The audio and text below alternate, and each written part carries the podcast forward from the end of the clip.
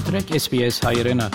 Հավելյալ հետաքրքրական հաղորդումներ կգրնակցնել վերկայքին վրա sps.com.au/armenian Ողջույն հարգելի ունկնդիրներ։ Անցած շաբաթը Հայաստանում, Արցախում եւ Սփյուռքում Արցախի կյանքի ճանապարհն Ադրբեջանը շարունակում է փակ պահել։ Հայաստանը որոնողափր կարարական ջոկատ եւ մարդասիրական օգնություն է ուղարկել Թուրքիա։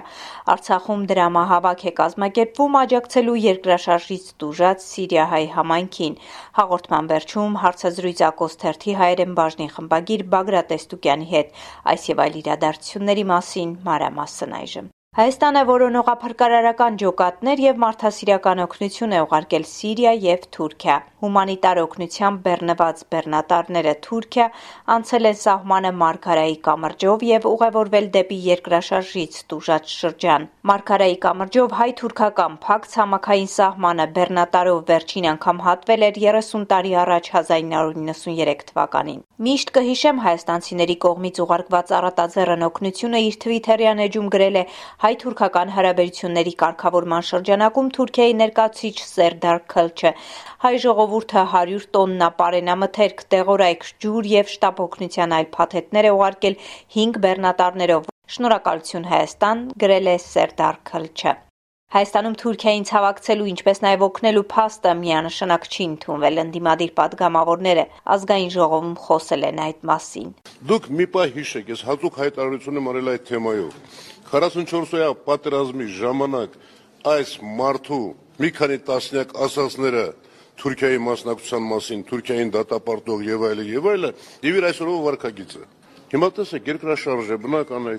մարդիկ են զոհվում, երեխաներ են զոհվում,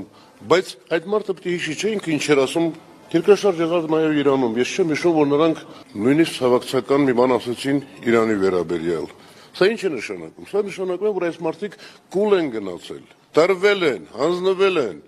պատրաստ են 4 կողմի վրա պատտվել եւ հանձնվել։ Դիվանագիտությունը Ես խոսեցի մարդասիրական կողմի մասին, բայց ես խոսեցի նաև այլ բանի մասին։ Ինչպես կարելի է Իրանին ցավակցել, Թուրքիային ցավակցել։ Ինչպես կարելի է Թուրքիայի մասին ասել ամենավերջին բաները եւ հետո սկսել սիլիբիլի անել Թուրքիայի հետ վերջի շրջանում։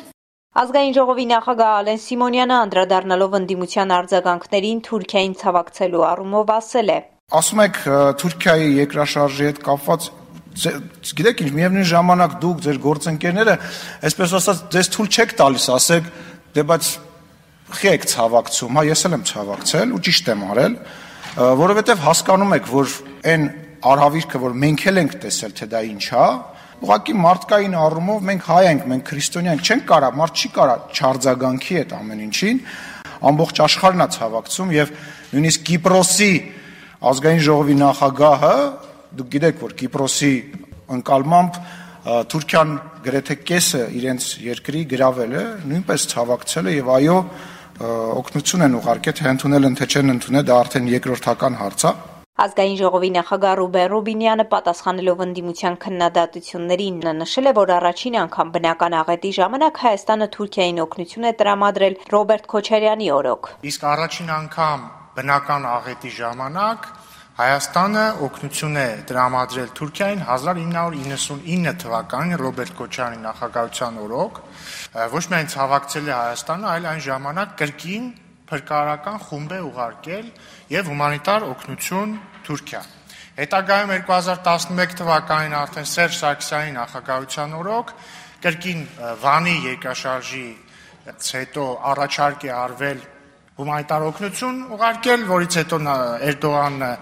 այն ժամանակ Թուրքիայի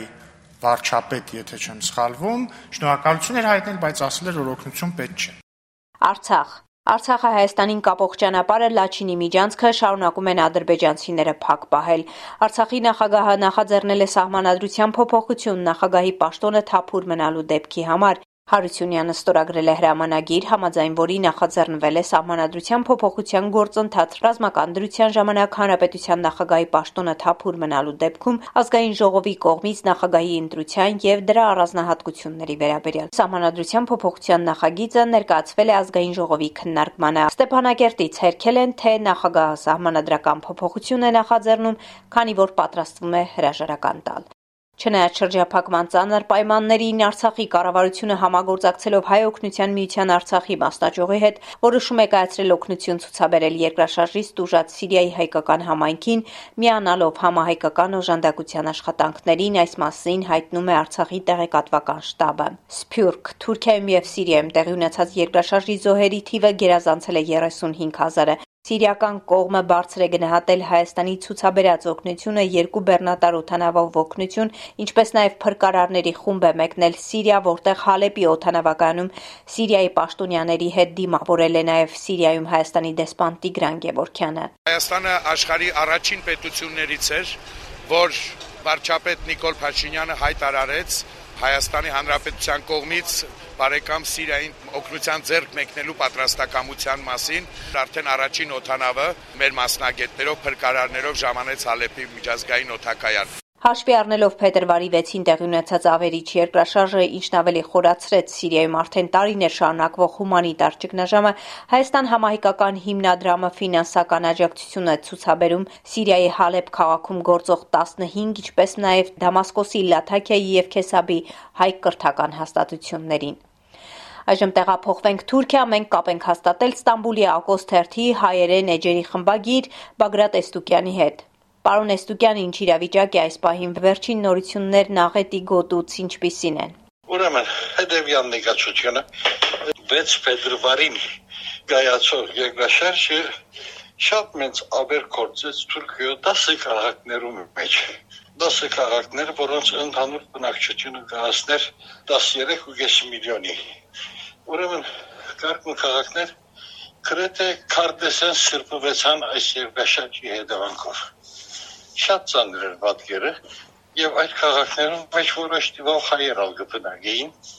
հետո հայ ժողովուրդն որոշ կյանքի կորուստներ ունեցան ժողովացները թիվը 32000-ի հասած է։ Գուցյամբ հայերինը որքան է։ 11 հոգի։ Բացի հայերեն կան հրյա զոհեր, հույն զոհեր, որովհետև այդ տարածքաշրջանը բազմասկի տարածք ուներ, Այս շրջաններում հայերի թիվը ինչքան է։ Ահա։ Այս շրջանի հայերու թիվը հազիվ քանի մո 100 գրնանք ենթադրել, որոնց մե 130 արդեն կփնագին մեկ քղի մեջ։ Գյուղը դա Վագֆն է, հա։ Այո, Վագֆ նացիաները ծրված են զանազան քաղաքներ։ Քանի կիլոմետր հեռավորության վրա է Աղետի կոտուց։ Դեսեք, Անդիոք քաղաքեն 40 կիլոմետր, իսկ Սամանդախ Քավարենալ 5 կիլոմետր հեռավորության վրա է։ Սամանդախ Քավարը, որ 5 կիլոմետրով մոտ է Վակֆին, շատ ծանր գորուստներ գրեց, բայց Վակֆը իր աշխարհագրական թիրքով ավելի ամուր կեդնի վրա էր լերան գողքին իսկ մոնացիոններ արդեն թաշտ էին եւ թաշտի վրա ավելի գործանի եղավ շարժը Իսկենդերում քաղաքի 40 մանուկ եկեղեցին որոշ վնասվածք ստացավ, այնտեղ բնակարաններն ալ վնասվեցան, անոնց մեջ կան նաև հայոց բնակարաններ։ Հայաստանին փրկարար ճոգատ եկած էր